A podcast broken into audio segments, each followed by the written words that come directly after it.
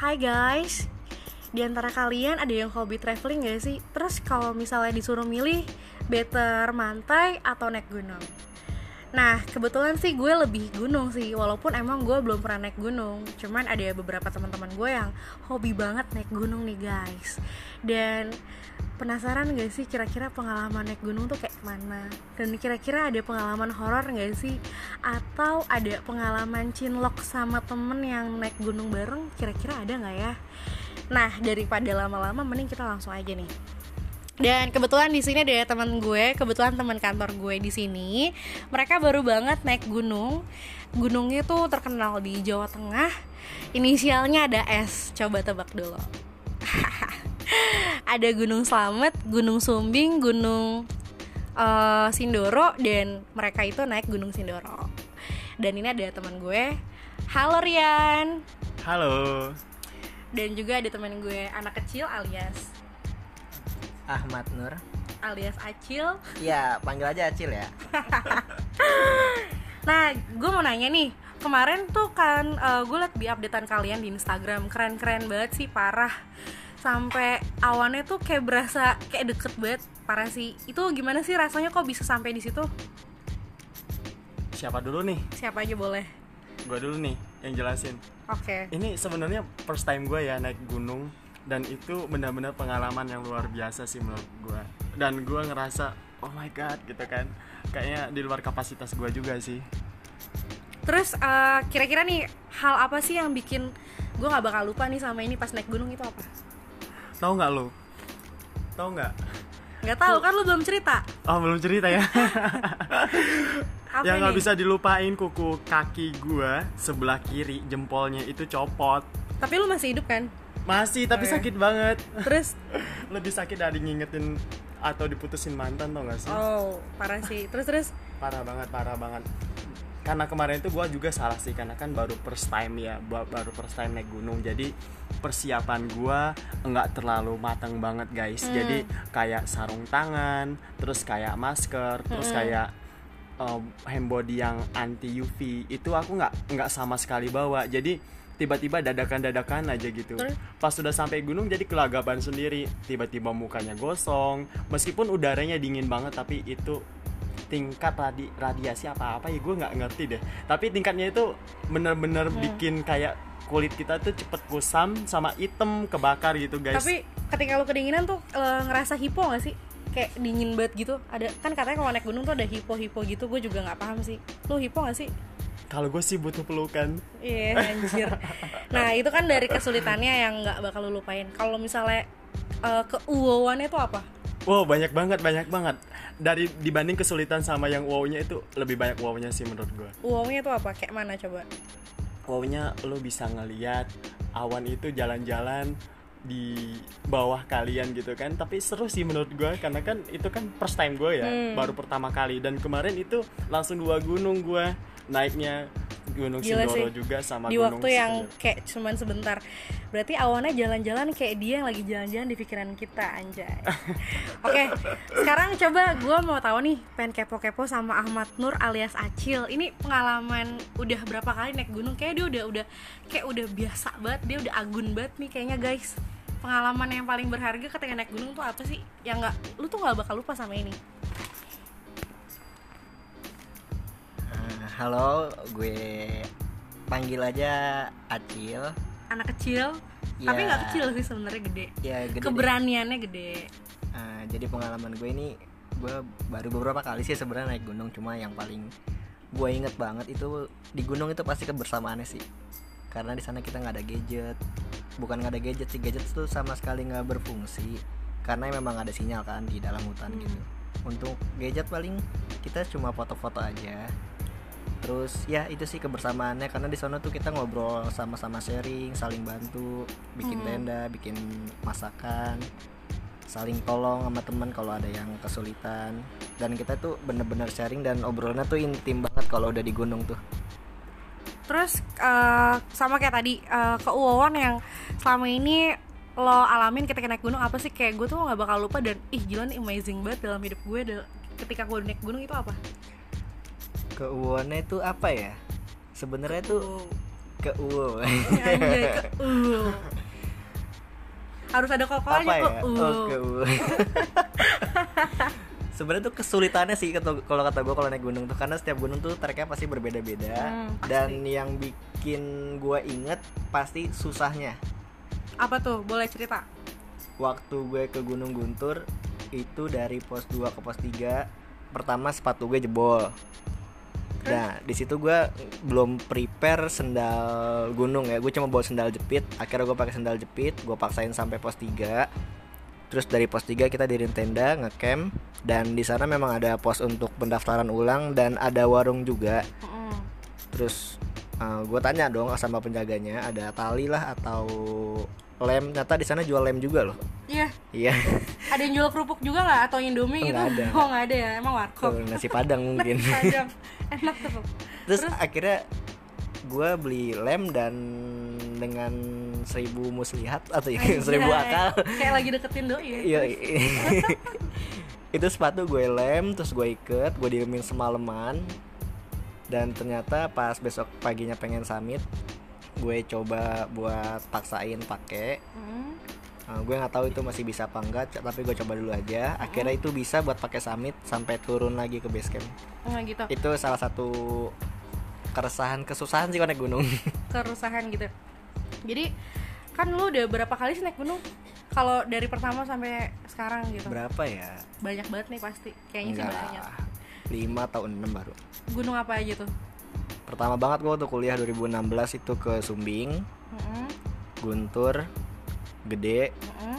Gede dua kali sih. Terus Uh, Sindoro, Lau. Lau. Nah, di antara gunung-gunung itu tuh kan katanya nih ya dari eh, banyak banget yang bilang kalau gunung itu kan tempatnya makhluk halus berkumpul nih. Di antara gunung-gunung itu tuh menurut lo yang paling pokoknya yang paling bikin bulu kuduk merinding tuh kira-kira gunung apa? Menurut lo nih? Sebenarnya sih inti dari naik gunung itu kita ziarah sih ya. Iya sih. Jadi kita jadi. tuh di sana bertamu dan gue yakin dan semua orang juga mungkin sependapat ya semua gunung pasti ada penunggunya. benar. Tapi yang paling berasa banget soalnya gue orangnya nggak peka sih nggak peka Mm-mm. sama hal gituan cuma gue paling berasa banget itu di Gunung Gede sih. Gunung Gede. Oke, di Gunung Lawi eh di sorry di Gunung Lau kan katanya sempat ada eh, beberapa lama ini kan sempat ada peg- apa pendaki yang hilang terus udah meninggal kan dan katanya juga ada yang bilang katanya Gunung Lawu tuh angker dan pokoknya kayak gitu-gitu lah yang negatif-negatif itu bener gak sih pas lo naik Gunung Lawu? Kalau gue waktu itu naik Gunung Lau sih emang dari awal tuh tadi gue bilang ya gue orangnya tuh nggak terlalu perasa dan nggak terlalu Nggak peka sama hal gituan. Tapi waktu gue ke Gunung Lau itu sama sekali nggak ngerasain hal mistis. Kita di sana ya jangan sompral yang pertama. Sopan santun, etikanya dijaga. Mm-mm. Kalau kita niat baik, insya Allah nggak ada apa-apa sih kalau naik gunung. Oke, terus kalau lo sendiri ketika naik gunung ada pengalaman mistis nggak atau kayak temen lo yang eh, ngalamin itu dan lo dan lo tahu dan lo ngelihat itu ada nggak? Pengalaman gue pribadi sih, ini gue pribadi dulu nih ya. Boleh boleh boleh boleh. Jadi waktu di Gunung Gede itu gue eh sama anak-anak biasalah masak-masak. Itu malam-malam jam 10 jam 11-an. Eh, Masak-masak di depan tenda dan gue izin kencing agak eh, geser dikit lah. Hmm. Waktu gue lagi kencing tuh ya kita numpang-numpang lah sama penghuni. Waktu gue lagi kencing itu ada yang bunyi nesting di dalam hutan tuh sebelah kanan Jam berapa tuh? Itu jam 11 jam 12-an lah. Karena waktu gua di gunung tuh gue suka bercanda sama anak-anak emang Hmm. gue ngetok-ngetok nesting bilangnya somai somai gitu lah. Hmm. tukang somai kan ini Paham, ngetok paham, tukang somai. Nah waktu gua ngencing itu dibalas lagi. Gue nggak tahu itu sama siapa ya. Di dalam hutan tuh di sebelah kanan kita ada ngetok-ngetok nesting sama itu. Ting ting ting. Nah gue tahu itu di kanan tuh nggak ada pendaki juga. Gue tahu ada sebelah kiri. Gue sadar di situ tapi gue diem aja. Maksudnya nggak usah diomongin. Kalau kayak Hmm. gitu-gitu tuh kayak Kayak pernah nggak tahu aja. ya lu diem diem aja nanti mungkin ceritanya di base camp lah atau udah di rumah gitu aja sih Oke. Eh, berarti so far cuman itu aja yang lo alamin atau kayak temen lo pernah nggak sih kayak ada yang kesurupan atau apa gitu lo Wah. ngeliat gue inget nih temen gue ada jadi itu waktu di gede itu sih cewek atau cowok? cewek itu sih waktu sama waktu gue lagi naik gunung di situ Mm-mm. sama di gunung gede jadi gue lagi masa-masa itu nah teman gue nih ada namanya adalah inisialnya Ada. lah H Ada. namanya pokoknya perempuan Mm.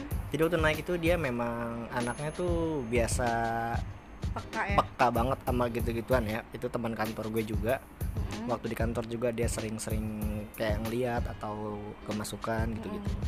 Nah waktu ini dia ikut dan kita tuh lagi masak-masak kira-kira itu jam 10 jam 11 Mm-mm. nggak jauh dari kejadian gue sebelumnya.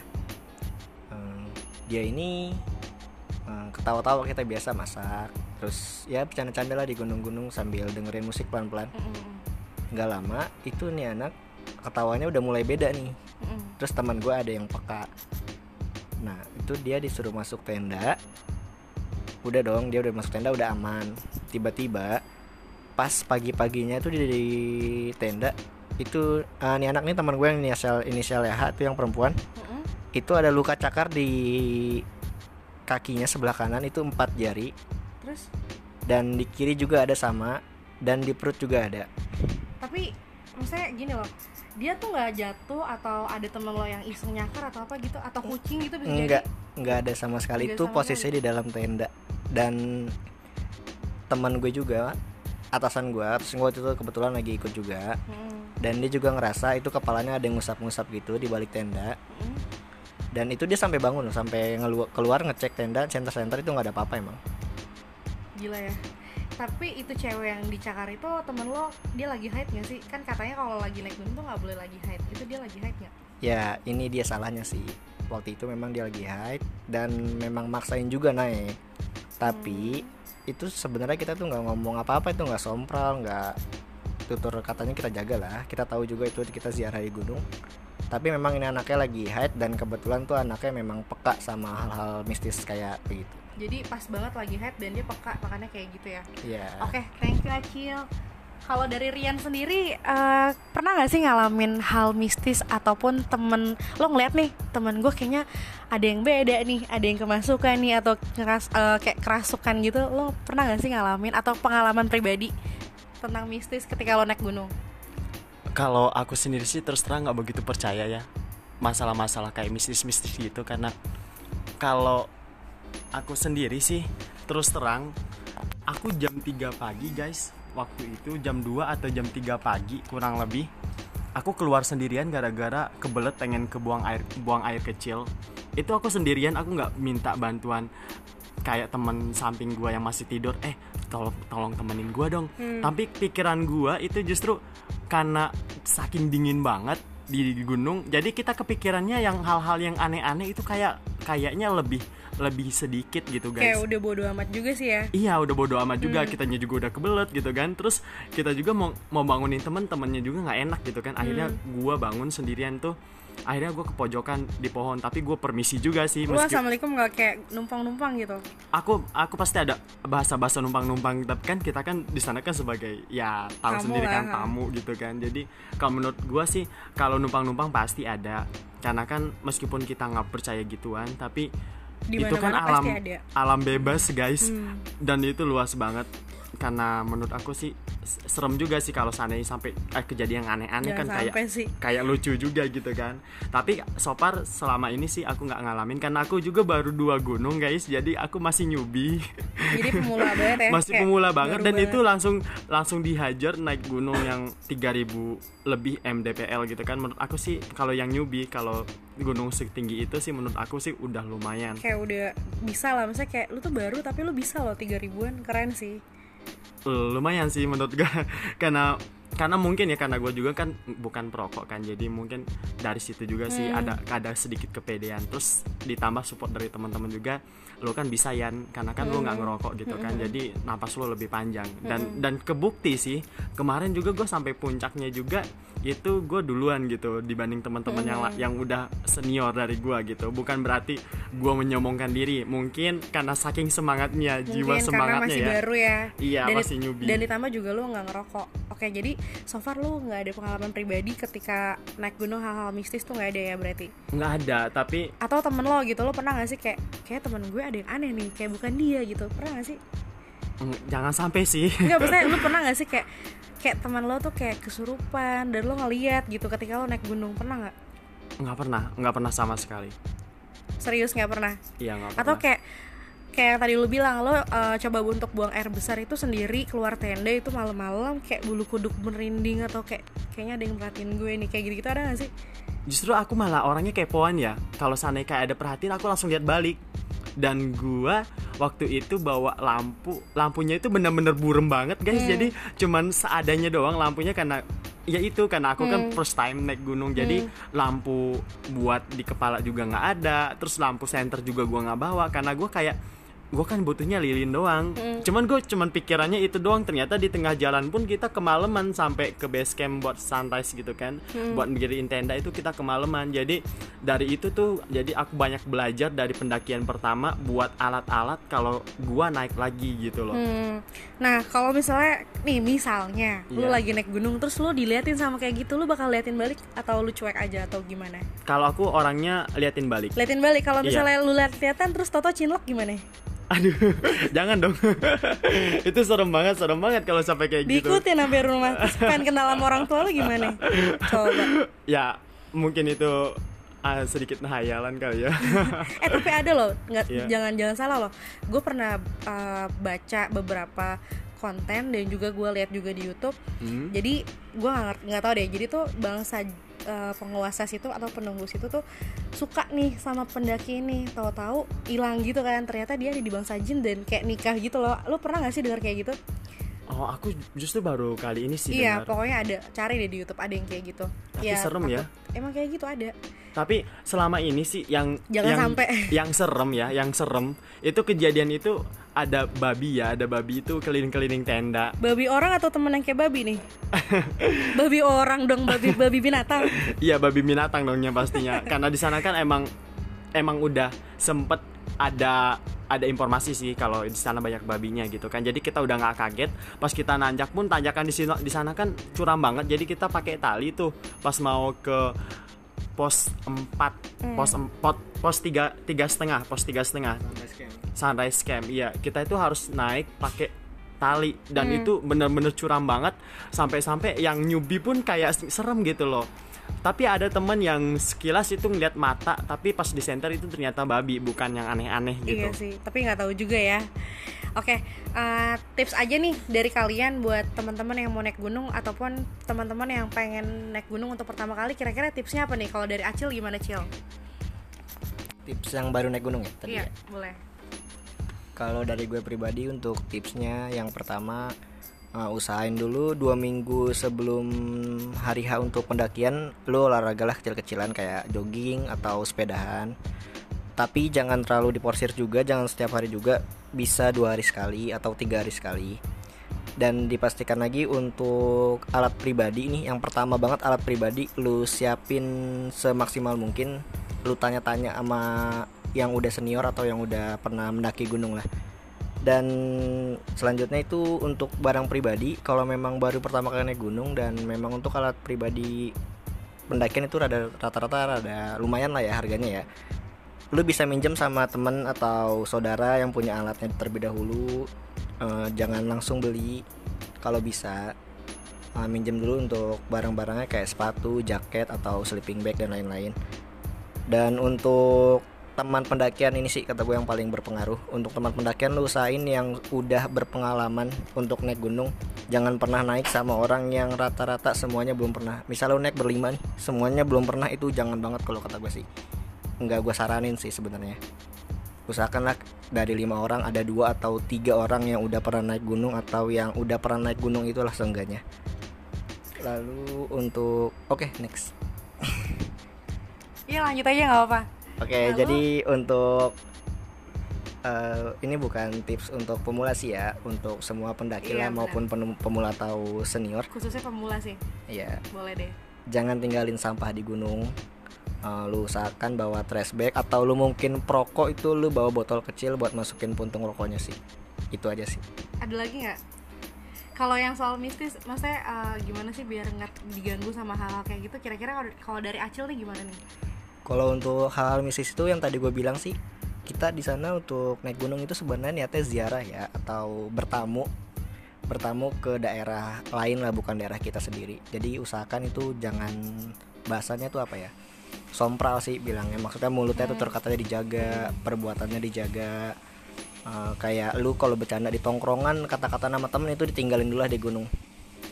Dan untuk ada sih kata kalau kata gue sih kayak etika pendaki yang pertama itu jangan mengambil apa pun kecuali gambar yang kedua itu jangan meninggalkan apa pun kecuali jejak dan jangan membunuh apa pun kecuali waktu Asik. Boleh juga nih buat caption di IG nih kata-katanya.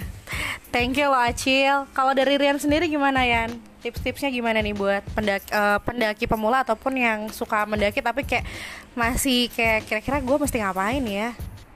Oke, karena aku juga pernah menjadi pendaki pemula pas waktu kemarin. Iya. Jadi banyak banget Belum yang lama ya? Iya, belum lama juga sih dakinya. Jadi kalau menurut gua sih kalian itu harus banyak-banyak searching di internet itu apa aja yang dibutuhin dan jangan diabaikan. Contoh ya, contoh kecilnya aja nih, kayak sarung tangan atau mantel atau mantel jas itu benar-benar dibutuhin pas udah di atas. Karena peralatan gunung juga emang lumayan mahal-mahal guys dan benar-benar nguras kantong menurut gua.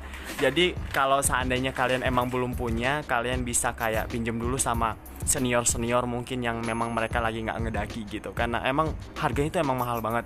Dan yang perlu Sampai jual tanah nggak sih kira-kira? Harganya? jual jual tanah sih enggak tapi kalau buat kok kocek-kocek kayak kantong mahasiswa. Mungkin itu bener-bener butuh ekstra money Hmm. gitu loh. Jadi butuh ekstra money kalau kayak mahasiswa. Kan rata-rata kan yang daki Apalagi kan anak kosan ya, udah mahasiswa anak kosan lagi. Iya makanya itu kan. Nah, itu harus jadi bahan pertimbangan juga budget. Kalau kita pakai barang yang murah mungkin bakalan tahu juga kan kualitasnya kayak mana gitu kan. Kalau menurut gue sih lebih lebih perhatiin juga obat-obatan kalau seandainya kalau kalian ngidap penyakit tertentu. Karena kan di gunung nggak ada bener. rumah sakit gitu kan. jadi kalian harus ada prepare juga kayak obat-obatan pribadi P3K kalian. Hmm, terus kalau penting banget. penting banget sih menurut gua. Terus kayak kalian itu masker. Dan jangan lupa kacamata. Ampun gua mak kemasukan debu mulu kemarin. Anginnya kenceng banget. Hmm. Dan emang udaranya dingin banget berasa kayak di AC di minus berapa derajat AC gitu tapi nggak ada nggak ada tempelannya, jadi AC iya alam ya. AC alam bener-bener AC alam banget dan udaranya dingin banget gua aja kemarin pakai mantel itu masih tembus dinginnya Parah sih. parah banget parah banget tapi seru seru ya pasti Seru banget. tapi maksudnya dari lu capek terus kayak ngap atau kayak gitu gitu apa imbalannya adalah ketika lu bisa foto di puncak dan lu bisa kayak sedekat itu sama awan. Kayak gitu. kayak gitu ya. Nah kalau misalnya tips at- yang tadi gue juga tanya juga sama Acil tips biar eh, pendaki pemula ataupun pendaki yang biasa ngedaki biar nggak eh, ada kendala ataupun biar nggak ada gangguan nih. Masalah-masalah mistis itu gimana sih? Kalau menurut pandangan lo tuh gimana? Coba biar nggak diganggu sama yang kayak gitu-gitu kalau menurut gue ya biar kita bisa damai-damai sama mereka yang pertama itu emang jaga perkataan sih Hmm. terus kita Penting juga sih. iya penting banget ibaratnya itu kayak kayak orang deh ya kan kalau Iya. orang kan ih, sama deh kayak kayak kita bertamu di rumah orang masa kita ngomongnya nggak sopan kayak gitu ya berarti ya iya Terus? jadi menurut aku sih jaga perkataan kalau seandainya emang kalian bisa sholat tayamum ya bisa tayamum menurut gua sih bisa sih di gunung. Tapi kalau di gunung kan air krisis banget. Jadi Hmm. kemungkinan kalau buat sholat ataupun menjalankan ibadah itu kemungkinan besar ya tayamum. Karena Hmm. itu salah satunya. Karena kita juga kemarin pas naik itu kekurangan air air loh guys. Jadi kita itu bener-bener air itu buat stok buat turun gunung itu kita bener-bener kayak raba-raba gitu loh. Hmm. jadi kita turun gara-gara kehabisan air bukan karena waktunya mau turun tapi gitu. ada yang dehidrasi kan nggak ada untuk syukurnya sih nggak ada kita. Tapi karena kemarin itu aku juga emang sengaja nyetok airnya lumayan banyak aku emang udah perkiraan sih air kita kayak meskipun banyak kelihatannya tapi kayak kurang. Aku udah punya feeling sih. berapa liter emang kemarin? Meskipun aku baru pendaki pertama ya kemarin bawa, bawa berapa liter? bawa tiga tiga tiga liter deh. Tiga liter Hmm. tapi aku ada tambahan dua itu botol yang 500 ml jadi aku emang ada ekstra dua itu ekstra dua itu tuh botol 500 ml itu satu dua satu satunya buat air minum pas kita turun. Karena kan kita turun dari da- base camp tiga setengah pos tiga setengah itu butuh waktu sekitar 5 jam guys. Jadi Gila. menurut Lama gua sih banget ya. lama banget iya. Menurut gue Parah. sih lama banget. Itu kalau yang cepet ya kalau yang lama bisa lebih gitu kan. Jadi kalau kita nggak prepare air itu ini banget dehidrasi banget Hmm. sedangkan air itu baru kita ketemu di pos 2 dan di pos di pos 1 ke pos 2 itu emang lumayan sih jaraknya deket bisa pakai motor tapi kalau dari pos 2 3 tiga setengah aduh itu benar-benar perjalanan yang panjang mungkin banget. treknya agak-agak udah mulai lumayan berat ya dan Iya. mungkin juga buat temen-temen nih harus sebelum naik gunung mungkin kayak olahraga gitu ya mungkin ya ya Iya itu penting biar banget. nggak kaget pas jalan jauh karena kan nanjak dan jalan gitu kan udah gitu Iya. dingin ya kan ya Iya sih? penting banget. Soalnya kemarin juga teman gue sampai dia kayak nggak bisa jalan gitu loh pas daki. Itu first time dia juga naik gunung. Sebenarnya dia udah anak gunung, udah pernah naik gunung oh juga. jadi nama, nama ibunya gunung ya tadi kan katanya anak gunung ibunya gunung nih berarti bisa aja deh. Jadi dia itu emang sebelumnya udah per- pernah naik gunung guys. Tapi karena dia itu udah lama banget nggak na nggak olahraga karena kan semenjak pandemi itu kan dia nggak jarang banget ke gym. Itu sama sama orang orang orang orang olahraga banget sih. Ngejimnya rajin naik gunung juga pernah. Hmm, terus? nah pas udah kurang lebih vakum 6 bulan itu bener-bener kaget pas dia ba- naik gunung. Kakinya memar semua guys. Jadi dia nggak bisa jalan terus sama akhirnya sekali. gimana dong? Kan itu nanjak Iya akhirnya ya kita tuntun pelan-pelan. Pas turun juga kayak gitu. Hmm. Akhirnya mungkin karena ada pengaruh juga ya Karena berat badan dia tuh emang sedikit over sih menurut gua. Jadi itu menentukan juga gitu loh. Tapi Kalau akhirnya dia bisa nanjak juga? Akhirnya bisa turun bisa nanjak. Tapi kita butuh ekstra banget waktu Karena ya itu tadi Karena jalannya pelan-pelan banget jadi Hmm. kita juga ngikutin dia gitu loh. Tapi kita kasih semangat terus biar dia bisa akhirnya dia bisa dan kita bersyukur banget ad- nggak ada yang istilahnya kayak yang Hmm. yang bener-bener kritis banget enggak tapi itu olahraga penting banget guys Iya, biar pasti. kita nggak kaget gitu loh Oh ya lari-lari kecil aja sih, mungkin lari-lari kecil 15 menit itu ngebantu juga sih menurut gua. Oke. Kalau gitu berarti intinya di sini eh, gua rangkum aja ya dari Acil sama dari Rian. Di sini kita biar eh, nggak apa sih namanya keganggu soal mistis kita emang harus banget jaga omongan karena emang kalau untuk kayak gitu-gitu di mana pun pasti ada. Apalagi gunung ya kan gunung tuh katanya pusat dari makhluk halus ibaratnya kayak rajanya apalah segala macam ada di situ semua ibaratnya kayak gitu. Jadi kita harus sopan kulon nuwun assalamualaikum sepada ya kayak gitu gitulah dan juga untuk teman-teman yang mungkin jarang banget olahraga kayaknya harus olahraga deh biar nanti pas naik ataupun nanjak tuh nggak kaget nggak shock. Karena emang itu ekstra tenaga banget guys. Jadi harus banget olahraga. Dan untuk buang sampah nih emang emang di mana mana juga kan kita nggak boleh buang sampah sembarangan apalagi di gunung. Sekarang gini kalau kita nyampe di gunung yang mau buang siapa gitu? Kalaupun ada petugasnya kan kasihan guys. Kayak gitu aja sih. Oke deh eh, podcast kali ini kita sampai di sini aja dulu ya guys ya Thank you semuanya. Makasih banget buat Rian sama Acil udah mau nyempetin waktunya nih, udah sharing-sharing juga soal pergunungan ya kan. Nah, kali aja nih teman-teman yang udah dengerin podcast ini soal pergunungan besok-besok pengen nih, ah gue pengen naik gunung nih jadinya kayaknya seru nih ngeliat foto-fotonya juga keren-keren parah sih. Emang emang keren parah sih. Tapi aku juga kemarin kayak menyesalkan ya kejadian yang ada orang yang men- yang memetik bunga edelweiss ya. Aku terus terang guys, baru pertama kali seumur hidup aku melihat bunga edelweiss itu di gunung dan aku kaget ini udu ini bunga apa ya? Terus ada yang jelas Bukan bunga bang kan?